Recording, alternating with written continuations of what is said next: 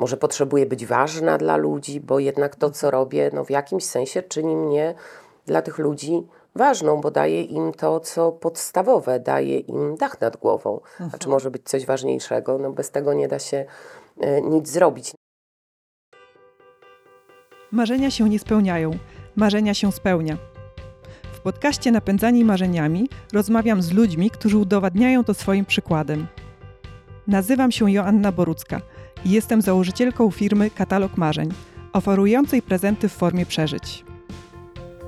Cześć! Dziś zapraszam Was na spotkanie z Agnieszką Sikorą, założycielką i prezeską Fundacji Podrugie, która wspiera młodzież i młodych dorosłych w kryzysie bezdomności.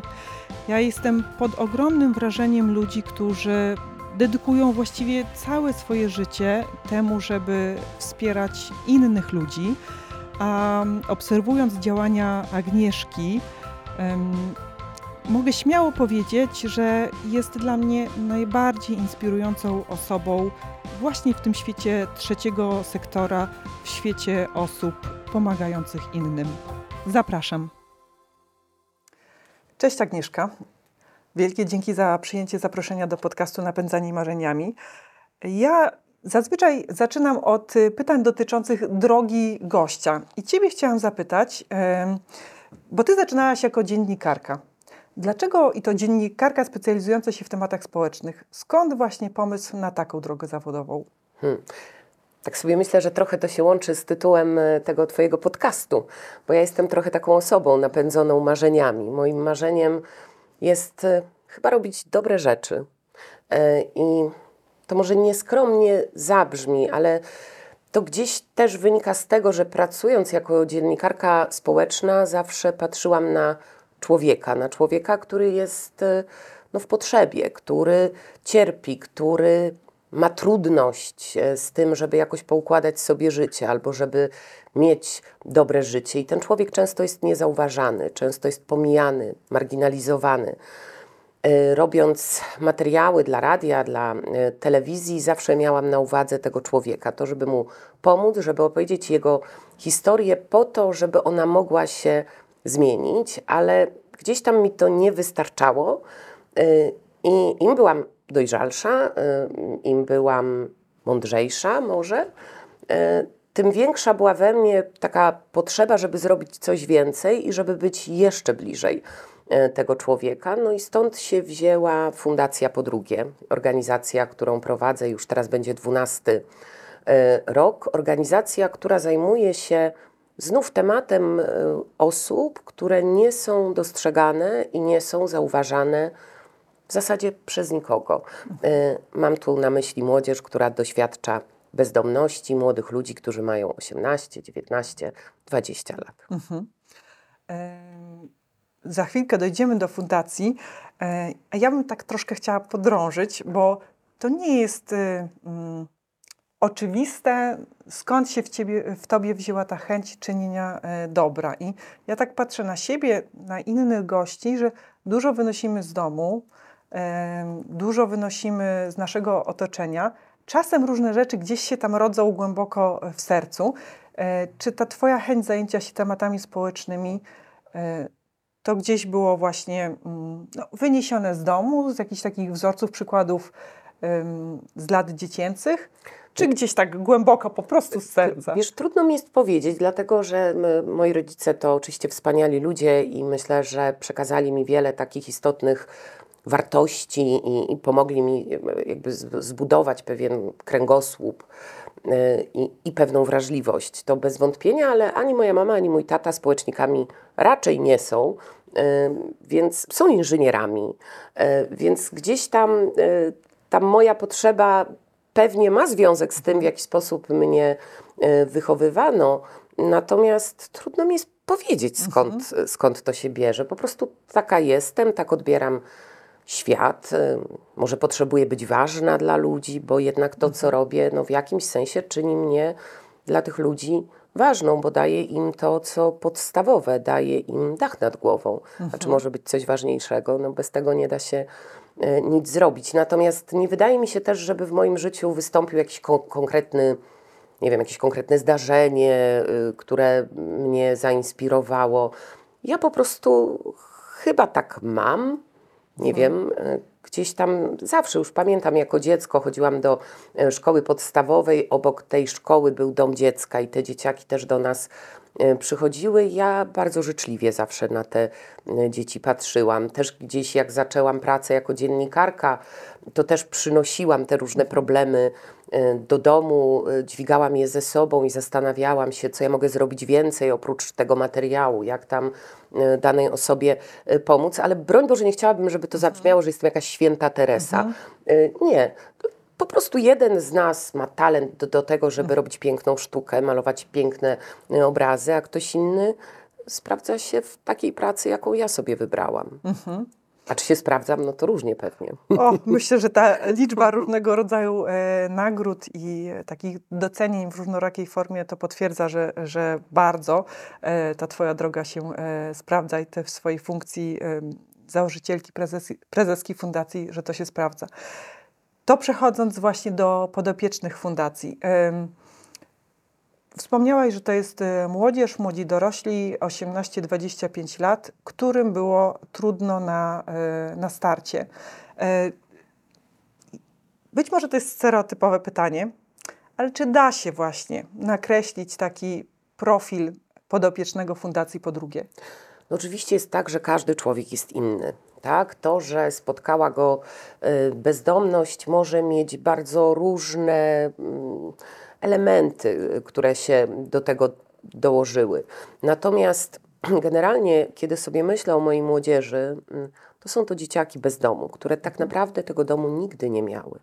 Y, To są dzieciaki, które były pozbawione takiej rodzicielskiej miłości, ciepła, troski, poczucia bezpieczeństwa, rzeczy bardzo podstawowych. Wielu z nich część swojego życia spędziło w domach dziecka. Niektórzy byli w placówkach resocjalizacyjnych. W ostatnich latach coraz więcej mamy młodzieży, która wychowywała się w rodzinie, ale zawsze w tej rodzinie były jakieś problemy. Tam była przemoc, tam były używki, e, różne e, historie, choroby. E, Zawsze czegoś brakowało i myślę, że gdzieś tam punktem wyjścia do tej bezdomności ludzi młodych jest to, że oni nie mieli domu, a my, system, szkoła, nie wiem, ośrodek pomocy społecznej, gdzieś tam nie zauważyliśmy e, tego, e, co się u tych dzieciaków dzieje, a jeżeli pomagaliśmy, to nie zawsze byliśmy dobrze do tego przygotowani mm, i nie zawsze dobrze pomagaliśmy. Stąd ta bezdomność. E, Rozumiem, że dużą grupę to są wychowankowie domów dziecka. Może warto powiedzieć, że mm, domy dziecka, właśnie skoryguj mnie, jeśli ja tutaj coś nie do końca prawidłowo e, mówię, ale że domy dziecka odpowiadają za mm, młodzież do osiągnięcia pełnoletności.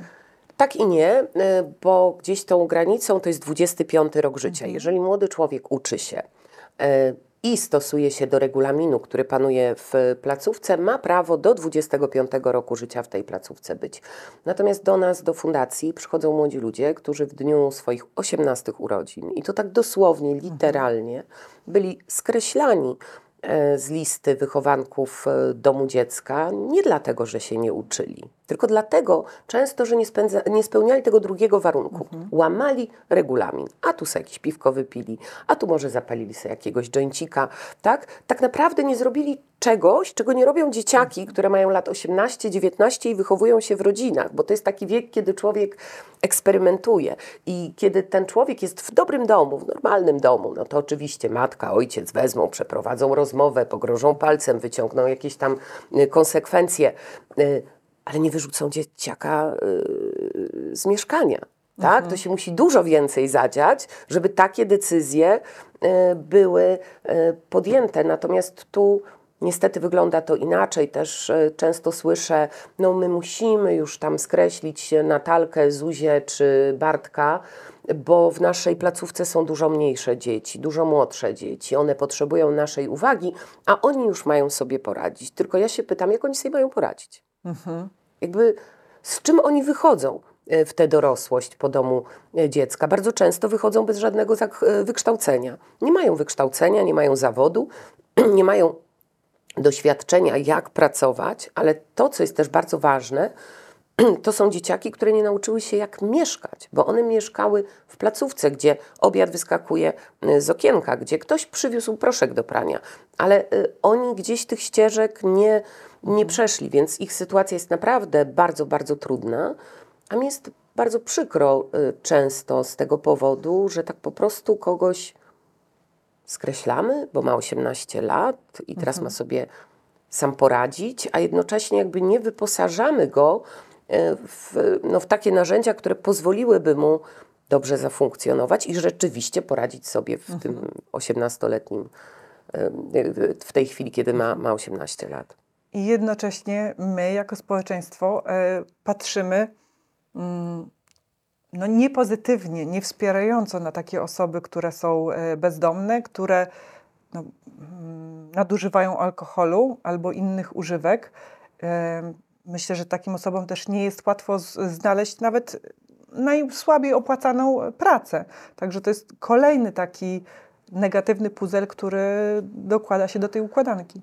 Tak, niemniej y, ja chciałabym powiedzieć, że ta grupa y, młodzieży, z którą my pracujemy, troszkę jest jakby wyjęta z tego takiego ogólnego obrazka, y, który nam się kojarzy z bezdomnością. Ta moja młodzież jednak ona budzi troskę. To są dzieciaki, ja często tak mówię, może to głupio zabrzmi, ale one nie zapracowały jeszcze na tę bezdomność. One jeszcze nie zdążyły, one jeszcze, one dopiero urosły. One dopiero odebrały, y, że tak powiem, dowód y, osobisty. Y, Więc to, to nie jest do końca tak. To, co jest w przypadku tej grupy trudne, to właśnie brak takiego przygotowania do dorosłego życia i brak umiejętności korzystania też z tych narzędzi, które my dajemy im w ramach naszej pracy w Fundacji po drugie. Natomiast szczęśliwie jednak ta grupa budzi trochę więcej empatii y, i, i zrozumienia. Szczęśliwie dla mnie i dla mojej organizacji, no bo my cały czas y, p- próbujemy pozyskiwać środki z różnych źródeł po to, żeby tym młodym ludziom pomagać. Przy okazji bardzo dziękuję wszystkim, którzy nas wspierają i ten problem rozumieją i dostrzegają. To w tym miejscu mam takie pytanie na mojej liście: jak można e, Wam pomóc? O, jest bardzo wiele sposobów. E, Pierwszy taki, e, nie wiem kiedy będzie emisja tego e, podcastu, ale 1,5% podatku, w tym roku to już jest 1,5% zbieramy. Jesteśmy organizacją pożytku e, publicznego. Do Jesteśmy. końca kwietnia, prawda? Chyba tak. Zdążymy. Tak. Jesteśmy na Patronite, mamy swój profil, więc można zostać naszym patronem i naprawdę wystarczy niewiele, nawet 5 zł miesięcznie, to już jest ten kamyczek do naszego e, ogródka. Co miesiąc nasi patroni otrzymują od nas raport, to jest raport specjalnie im dedykowany, e, który jakby nie powiela tych wiadomości, które można przeczytać e, w naszych mediach społecznościowych. To jest celowy taki raport dla patronów. To grono nam się cały czas powiększa, no ale fajnie byłoby, gdyby się nam jeszcze nadal e, zwiększało. Oczywiście można zostać naszym sponsorem, darczyńcą. No, możliwości jest wiele e, wspierania tej naszej misji i za każdą jesteśmy bardzo wdzięczni. E, Podlinkujemy w naszej rozmowie stronę www fundacji, a tam e, są te wszystkie e, sposoby na pomaganie mm, przedstawione. Wracając e, właśnie do podopiecznych, to ja tak zrozumiałam, że wyłapujecie taką młodzież, młodych dorosłych, którzy są bardzo zagrożeni albo no, na, na początku tej, e, tej, tej takiej ścieżki w dół, e, tak bym powiedziała, i wspieracie ich w, mm, w rozwoju tych kompetencji, umiejętności, czy też takich fundamentach, które standardowo wynosi się z domu. Jak ich wspieracie? Jak można takiego człowieka nauczyć tego, że obiad nie wyskakuje gdzieś tam z kuchni i nie pojawia się sam na stole? Właśnie, ja to czasami chciałabym mieć e, czarodziejską różdżkę. Zawsze to tak e, sobie żartuję, że to byłoby e, najprostsze, bo jednak ci młodzi ludzie przychodzą już z dużym bagażem, już z pewnymi nawykami, już z rzeczami, których się nie nauczyli. Jest bardzo wiele do nadrobienia, więc to nie jest takie proste. To nie wystarczy raz pokazać. Czasem trzeba 50 razy pokazać i wytłumaczyć, ale no, nasza praca z młodym człowiekiem zaczyna się od miejsca do zamieszkania, no bo on nie ma e, gdzie mieszkać. E, Ty wiesz, e, jedno to miejsce e, poznałaś, dom dla młodzieży w warszawskim Wawrze. Katalog Marzeń pomagał nam w wyremontowaniu jednego z pokoi. Bardzo za to dziękuję. Więc mamy ten dom. W tym domu mamy 16 miejsc. W tej chwili mamy tam 19 osób. To jest problem. E, Ja już zaczynam myśleć o tym, jak to zrobić, żeby był drugi dom, ale jeszcze muszę zadbać o to, żeby sfinansować ten, więc nie jest to takie proste. Dodatkowo prowadzimy sieć mieszkań e, treningowych. One różnią się od domu e, właściwie tylko jedną rzeczą. W mieszkaniach nie ma opiekuna, a w domu 24 godziny na dobę jest osoba dorosła, specjalista, pedagog, który no, dba o to, żeby tam było tak, jak być powinno, a mieszkania treningowe to już jest taka bardziej samodzielna e, forma zakwaterowania.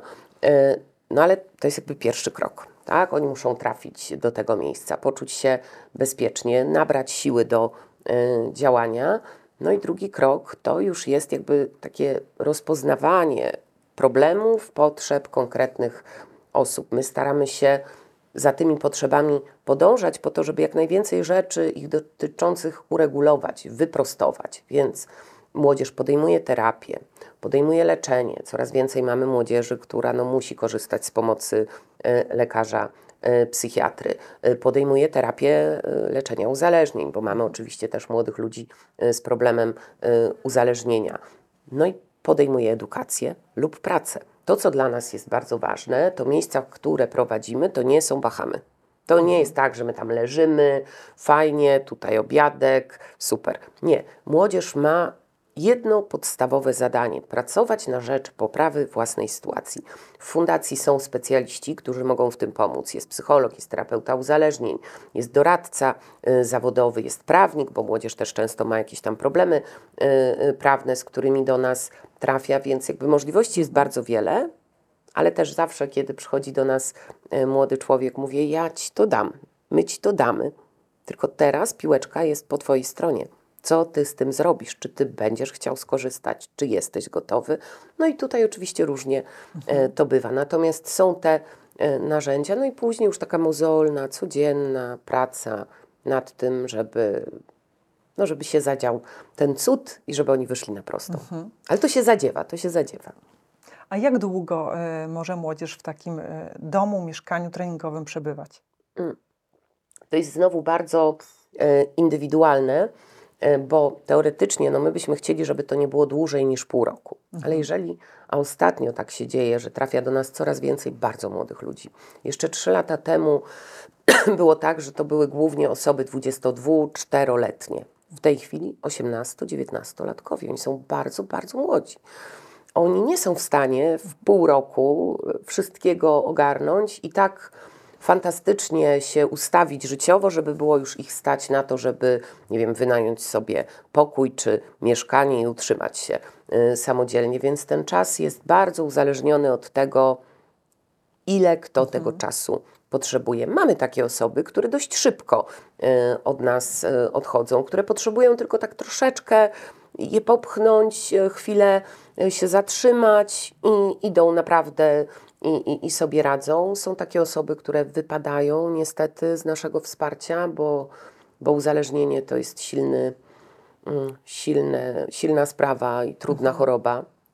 Y, Czasem wracają po jakimś czasie, decydują się na leczenie, ale to, ale to wszystko y, trwa. No, jesteśmy elastyczni. Ty, tą cezurą jest ten 25 rok y, życia i no już wówczas, jeżeli ktoś ma 26 lat, to już z naszej pomocy skorzystać nie może, ale znów nie wyrzucimy nikogo w 25 urodziny. Tak, poczekamy. Jeżeli będzie potrzebował jeszcze miesiąc czy dwa, to oczywiście jak najbardziej dopilotujemy go do takiego momentu, bo naszym celem jest właśnie doprowadzić ich do tego momentu, kiedy oni są gotowi i kiedy potrafią sobie już poradzić. Czyli z jednej strony no, muszą być pewne sztywne reguły, Muszą być, tak. a z drugiej strony ta elastyczność i dostosowanie do konkretnych potrzeb, do konkretnego człowieka. Tak, ta elastyczność jest trudna, bo y, my później często słyszymy y, cały zespół fundacji, a dlaczego tam Marcin ma tak, a ja mam tak, a ten ma tak, a ten ma tak.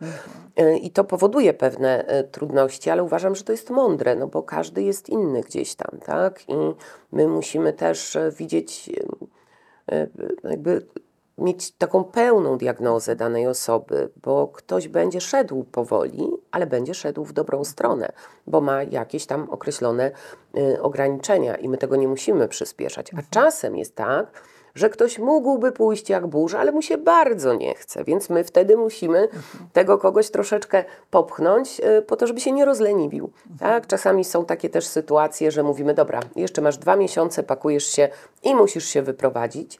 I to nie dlatego, że my się chcemy kogoś pozbyć, tylko dlatego, że młodzież się przyzwyczaja i jej jest dobrze, mhm. tak? Mieszkanie treningowe, dom dla młodzieży to jest tanie y, rozwiązanie. Dużo trudniej jest y, gdzieś tam utrzymać się samodzielnie. To jest też rozwiązanie wygodne, ale przychodzi taki moment, kiedy trzeba powiedzieć: Nie, stary, już wystarczy. Teraz musisz iść swoją drogą, bo będzie regres, mhm. tak? Więc to trzeba mieć no, duże wyczucie. Mhm. A co jest nienegocjowalne? Y, no, trzeźwość to jest nienegocjowalne. Jeżeli ktoś jest e, pod wpływem, e, musi opuścić dom, musi opuścić mieszkanie, to są czasami naprawdę trudne momenty, bo kiedy my widzimy e, osobę naprawdę walczącą z uzależnieniem, naprawdę, ale ona się napiła, no bo to tak działa. Mhm. Ale my niestety no nie możemy jej powiedzieć zostań, bo są obok inni młodzi ludzie, którzy też walczą z tym problemem, więc obecność kogoś, kto jest pod wpływem, no byłaby bardzo um, niekorzystna. I to jest absolutnie rzecz, której nie negocjujemy, um, ale to jest rzeczywiście um, trudne i, i przykre często. Myślę, że też ważne jest to, ale tu różnie bywa, żeby był jednak szacunek do nas, żeby no nie, nie było przemocy, tak? To też tak. raczej, jeżeli takie zdarzenie rzadko się zdarza, ale gdyby było, no to też jest sytuacja sorry, tak? Mhm. Ale tu się musimy Y, zatrzymać. No i to, co powiedziałam na początku, czyli y, ta praca na rzecz poprawy własnej sytuacji. My musimy widzieć, że ty coś robisz, że ty się zmieniasz, bo jeżeli ty się nie zmieniasz i chcesz sobie tylko tak przebimbać, no to trudno, ale są schroniska, są noclegownie dla osób w kryzysie bezdomności. Tam sobie będziesz bimbał. U nas mhm. nie, bo jednak nastawiamy się na to, żeby aktywizować tę grupę. Mhm. A można wrócić po takim mówiąc kolokwialnie, wyleceniu? Można, można i mamy takich, e, takie, takie bumerangi, co tak wylatują, wlatują w te i z powrotem. E, no tak, no ludzie popełniają błędy, tak, no trudno, żebyśmy e, ich za to skreślali, e, tylko każdy powrót jakby wiąże się już z tym, że my po pierwsze wiemy więcej na temat tej osoby. Jeżeli tym powodem, dla którego ktoś wyleciał, jest y, uzależnienie, no to my się już tutaj nie bawimy w to, że tam pochodź sobie raz w tygodniu y, do terapeuty i porozmawiaj o tym. Nie, ty musisz jechać na terapię, pojedziesz, przeleczysz się, proszę bardzo, wrócisz do nas, tak? Mhm. I pomagamy y, młodzieży, żeby jednak na tę terapię trafiała. To są młodzi ludzie, oni nie muszą ćpać i chlać przez całe życie, naprawdę. Wyczytałam, że Twoim motto, motto fundacji e, jest Łatwo jest skreślić człowieka, wyzwaniem jest zaproszenie go do ciężkiej pracy nad zmianą. Jak się zaprasza człowieka do pracy, do pracy nad zmianą? O, to jest właśnie to wyzwanie i to nie jest tak prosto na to odpowiedzieć, bo to nie wystarczy powiedzieć, słuchaj, dzień dobry, masz tutaj y, łóżko, ja będę dla ciebie miła, tak? To myślę, że taka y, y, E, istota tego zaproszenia tkwi w tym, że mi na tobie zależy.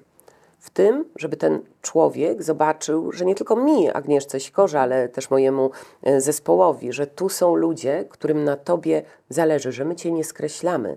My chcemy, żebyś ty miał dobrze. I nawet jeżeli czasami podnoszę głos, nie ukrywam, e, podnoszę, to nie wynika to z tego, że ja cię chcę upokorzyć, że ja cię chcę obrazić, że ja cię mhm. chcę nie wiem, zgnoić, powiedzieć, ty jesteś zerem, tak? Nic z ciebie nie będzie. Tylko zwykle to jest tak, że kiedy ja podnoszę głos, to jest o tym właśnie, że mi zależy, że ty nie musisz tak żyć, człowieku, że ty masz 20 lat.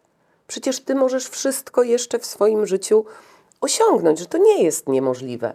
E, I właśnie myślę, że to, że, że właśnie zbudowanie tej relacji, mhm.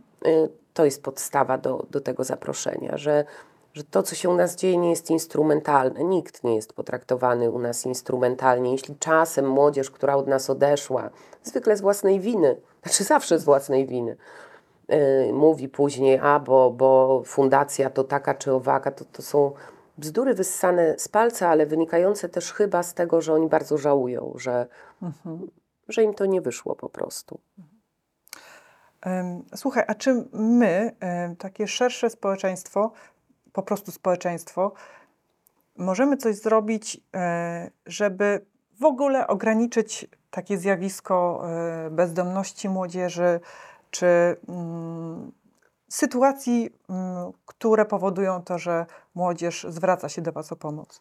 Na pewno tak. Ja myślę, że ta praca zaczyna się y, jakby w takim codziennym życiu. Mamy sąsiadów, mamy dzieci w przedszkolu, mamy dzieci y, w szkole, y, w jakimś klubie, gdzieś. y, No nie żyjemy w próżni i myślę, że taka uważność na to, co się dzieje właśnie tam, gdzie są nasze dzieci, tam, gdzie są nasi sąsiedzi i reagowanie na to, tak? Jeżeli widzimy coś, co jest niepokojące, to nie zawsze musi być od razu, znaczy nie zawsze musimy mieć rację, ale nie bójmy się tego, żeby zainterweniować. Jeżeli zainterweniujemy, ktoś to sprawdzi, tak? Y, Ktoś też się y, zainteresuje i może tak być, że komuś y, uratujemy y, życie, ale myślę, że od takiej zwykłej, prostej uważności. Jeżeli w klasie mojego syna, nie wiem, jest dziecko, które przychodzi głodne, są takie dzieci w szkołach, tak? I mój syn mi o tym mówi, no to jeżeli ja powiem, no tak, ale to wiesz, to nie moja sprawa, nie chcę, żeby coś tam, no to to jest słabe. Jeżeli mój syn przyjdzie do mnie i powie, mamo, wiesz, u nas jest tam Kazio, który jest głodny, to ja powinnam zareagować. I, i myślę, że to jest bardzo mm, istotne. I w ten sposób, tak, możemy pomóc i możemy e, powodować, bo tak jak powiedziałam e, na początku, ta bezdomność bierze się z domu, z pewnych braków. E, Więc jeżeli zainterweniujemy odpowiednio wcześnie, może te braki zostaną uzupełnione i ten młody człowiek będzie mógł do 25 roku życia być w domu dziecka, skończy studia i sobie świetnie będzie radził. A jak się interweniuje? Jak można zareagować? E, To oczywiście zależy, no ale jeżeli się trzymamy szkoły, no to tutaj wiemy, mamy narzędzia, prawda? Wychowawca klasy, pedagog szkolny, psycholog, dyrektor. A jeśli mówimy o sąsiadach czy, czy o tego typu sytuacjach, to ośrodek pomocy y, społecznej. Ja naprawdę bardzo zachęcam do tego, żeby się nie bać tych ośrodków pomocy społecznej. To jest instytucja, która się bardzo w Polsce zmienia i to nie jest instytucja, która tylko i wyłącznie wydaje zapomogi, zasiłki, To y, y, jest miejsce, gdzie pracują pracownicy socjalni, gdzie jest prowadzona pogłębiona praca socjalna, e, gdzie jakby można rozpocząć pracę z rodziną, mamy asystentów rodziny, świetne e, narzędzia i naprawdę człowiekowi pomóc. Więc ja bym się nie bała tego, żeby do OPS-u się zgłaszać. Pytam e, o to także dlatego, że jestem mamą, mam trójkę dzieci, z tego dwójkę w szkole podstawowej. Mm, I ja się staram rozmawiać z moimi dziećmi e, o tym, że to nie jest ważne, w jakich ubraniach, w jakich butach, jakie telefony mają ich e, znajomi.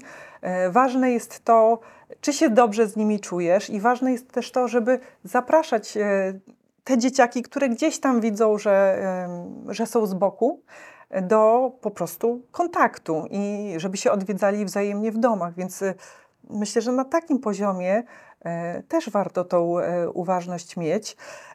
I troszeczkę w tym kontekście też bym chciała nawiązać do czegoś, co znalazłam u Was na stronie internetowej. Tak mnie zaintrygowało, że jedna z, z dziewczyn, które u Was pracują, ma jako opis swojej roli wspieranie młodzieży w konstruktywnym spędzaniu czasu. Mhm. Właśnie, o co chodzi z tym konstruktywnym spędzaniu czasu i dlaczego to jest tak ważne, że się znajduje w opisie roli?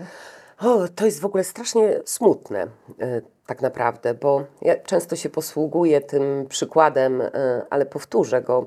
E, Pamiętam kiedyś kolega zaprosił nas na rejs po Wiśle, statek, lemoniada, piękna pogoda, chyba wiosna.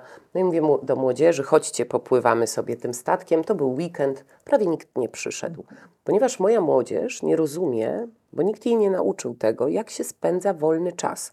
Dla niej wolny czas i odpoczynek to jest tylko leżenie w łóżku. Znaczy jakby oni nie potrafią.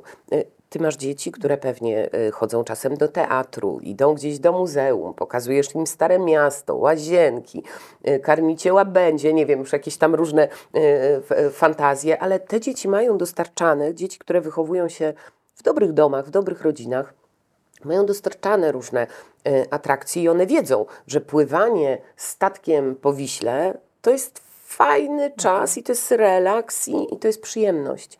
Moja młodzież tego nie potrafi. Spędza czas często nie tak jak e, należy i to nie chodzi tylko i wyłącznie o to leżenie, ale też o znajomości, o kontakty, o bramy e, na Pradze, narkotyki i różne niefajne e, klimaty czy kluby, w których tak są wszyscy nafurani, że właściwie z samego siebie nie są w stanie e, rozpoznać. Więc my im staramy się dostarczać e, różnych atrakcji. Zresztą też dzięki katalogowi e, marzeń e, Twojej firmie udało nam się kilka takich atrakcji e, zorganizować i młodzież mogła pospełniać swoje marzenia. Ktoś tam skoczył na jakimś bungee, ktoś sobie zrobił wizytę u Barbera, już nie pamiętam, ale tam były różne fajne e, pakiety i to jest super, bo to też, że moja młodzież może spędzić konstruktywnie czas, e, podnosi ją troszkę wyżej, gdzieś tam na tej drabinie społecznej. Ja mam jakieś doświadczenie, o którym mogę komuś powiedzieć, którym mogę zaimponować i niekoniecznie to będzie doświadczenie, że e, tanio e, załatwiłem proszek do wciągania w jakiejś tam e, ciemnej bramie czy, czy w ciemnej ulicy. Myślę, że to jest bardzo ważne i to też ma im pomóc w tym, żeby zaczęli dobrze funkcjonować. Ja pamiętam kiedyś taką podopieczną, której pomogłam z, znaleźć pracę w takiej dużej sieci handlowej i e, ona stamtąd bardzo szybko uciekła. Ja mówię, co ty robisz dziewczyno? Taka fajna robota. E, Pakiet jakiś socjalny, wakacje pod gruszą, pakiet medyczny, karnet na siłownię. No świetna robota, możliwość awansu. Bardzo inteligentna dziewczyna. Ona mówi, ale wie pani co, ja się tam nie odnajduję, bo tam są ludzie, którzy mówią, że gdzieś pojechali na wakacje, że gdzieś byli. A ja, wie pani, ja nad morzem byłam raz, jak mnie tam z zakładu poprawczego zabrali, a moja matka siedziała w więzieniu. O czym ja mam z tymi ludźmi rozmawiać? Więc wracam. To spędzanie konstruktywne czasu, to dostarczanie różnych doświadczeń jest bardzo potrzebne po to, żeby człowiek mógł się podnosić i żeby mógł budować tak naprawdę nową tożsamość e, dla siebie. I teraz tak mi się w głowie ym, zrobiło takie połączenie, ym, bo mam taką koleżankę, która prowadzi ym, w ramach fundacji e, za darmo e, zajęcia dla dzieci. I e, tak jak widzę na Facebooku, na tych zajęciach, czy w tych zajęciach uczestniczą przede wszystkim dzieci, które i tak mają dużo różnych atrakcji, bo też je kojarzę, bo to małe miasto, więc znajomi znajomych. I wracając do tego pomagania, myślę, że samo nagłaśnianie, mm, że są takie zajęcia za darmo, zachęcanie osób, które widzimy, że nie mają możliwości odpłatnie z nich korzystać, to jest też takim konstruktywnym spędzaniem czasu, które wyposaża na przyszłość. Oczywiście, że tak, a w ogóle włączanie dzieciaków z różnych e, środowisk, takich ubogich, e, właśnie do, do działań, tak? Fantastyczne narzędzia, które w Polsce ciągle jeszcze nie działają aż na taką skalę, na jaką mogłyby, ale świetlice środowiskowe, gdzie właśnie są zajęcia dla dzieciaków z no, tak zwanych defaworyzowanych m, środowisk, gdzie one mogą e, czegoś dotknąć, czegoś się nauczyć, zacząć śpiewać, zacząć tańczyć, malować, e, spotykać się z ciekawymi ludźmi. To też będzie ta profilaktyka bezdomności. Ym, A o czym marzą podopieczni Fundacji po drugie?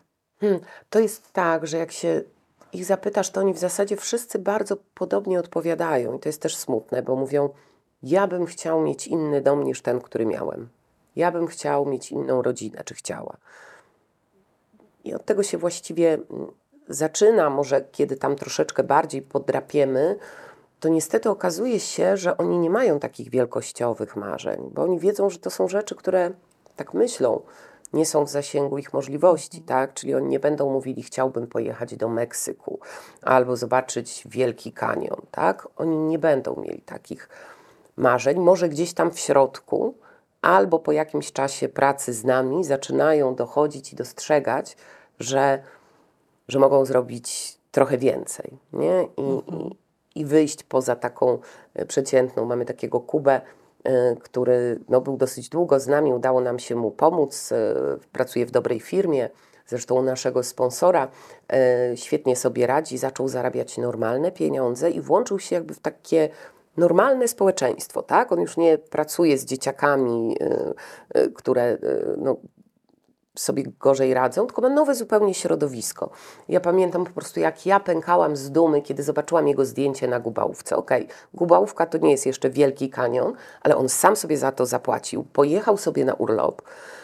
I mówię, wow, to, mhm. to jest ekstra, nie? I do tego zaczyna dochodzić, więc on już może mieć trochę bardziej wybujałą fantazję, jeśli chodzi o to, co, co by chciał w życiu i o czym by pomarzył. Mhm. mhm.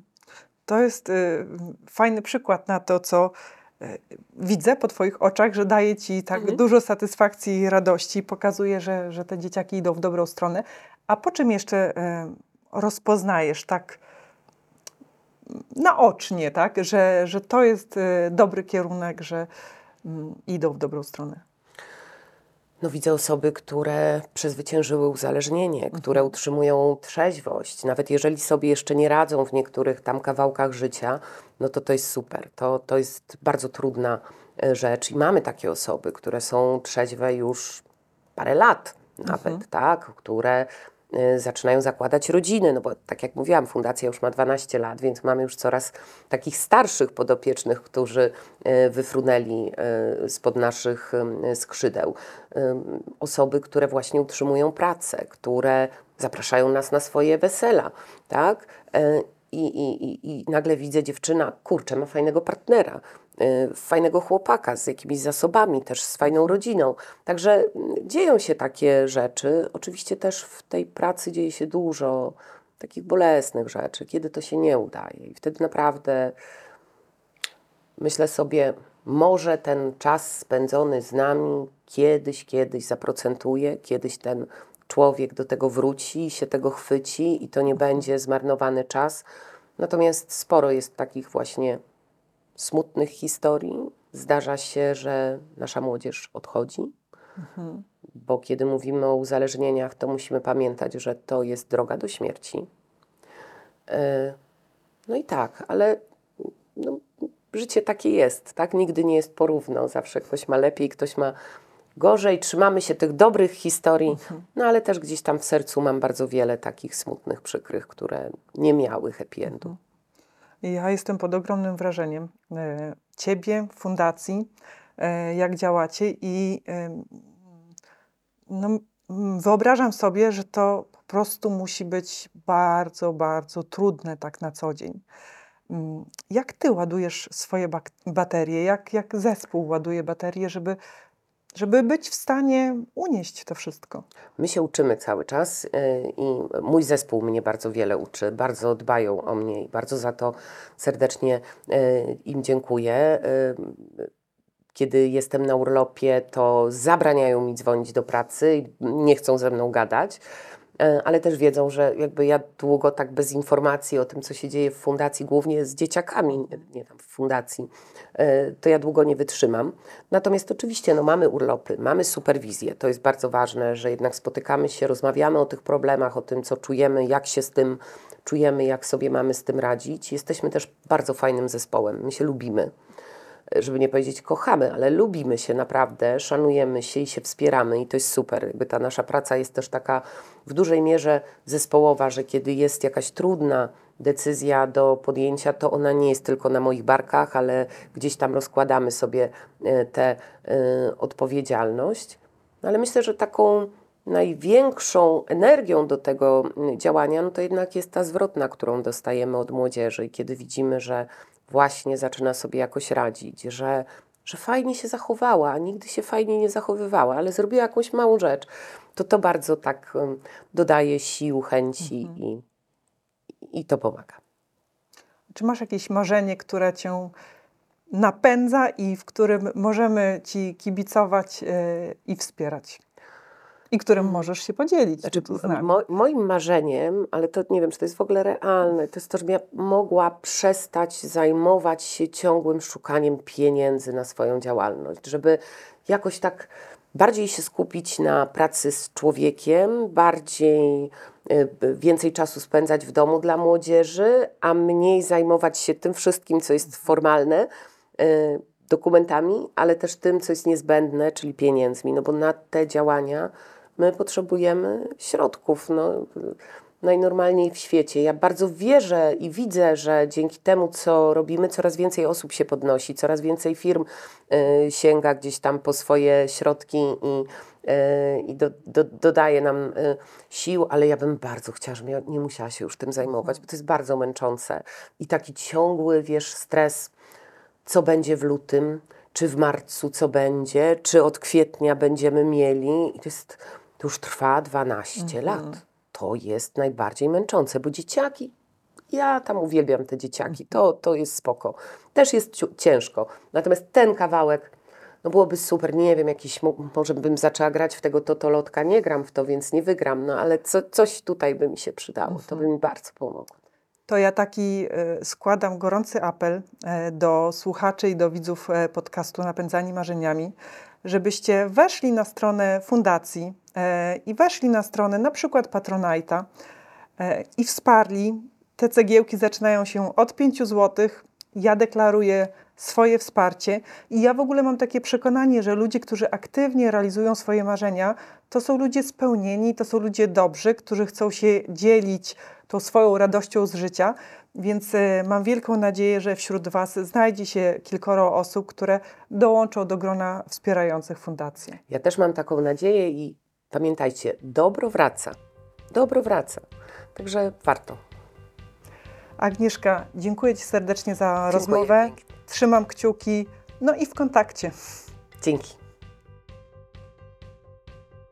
Takie rozmowy jak ta sprawiają, że ja po prostu czuję się naprawdę szczęśliwym człowiekiem i doceniam każdy dzień, każdą godzinę i ten cały mm, bagaż, y, moje dzieciństwo, bagaż pozytywny, pozytywnych doświadczeń, które wyniosłam y, z mojego dzieciństwa, z mojego dorastania i tym trudniej mi się, mi się myśli o wszystkich tych ludziach, którzy mają inny bagaż. Bagaż, który jest y, kotwicą, który sprawia, że jest im trudno w życiu, że trudno im stanąć y, na nogi. I dlatego ogromnie podziwiam ludzi takich jak Agnieszka. E, Myślę, że zasługują na to, żeby po prostu wszyscy ich e, znali i wspierali.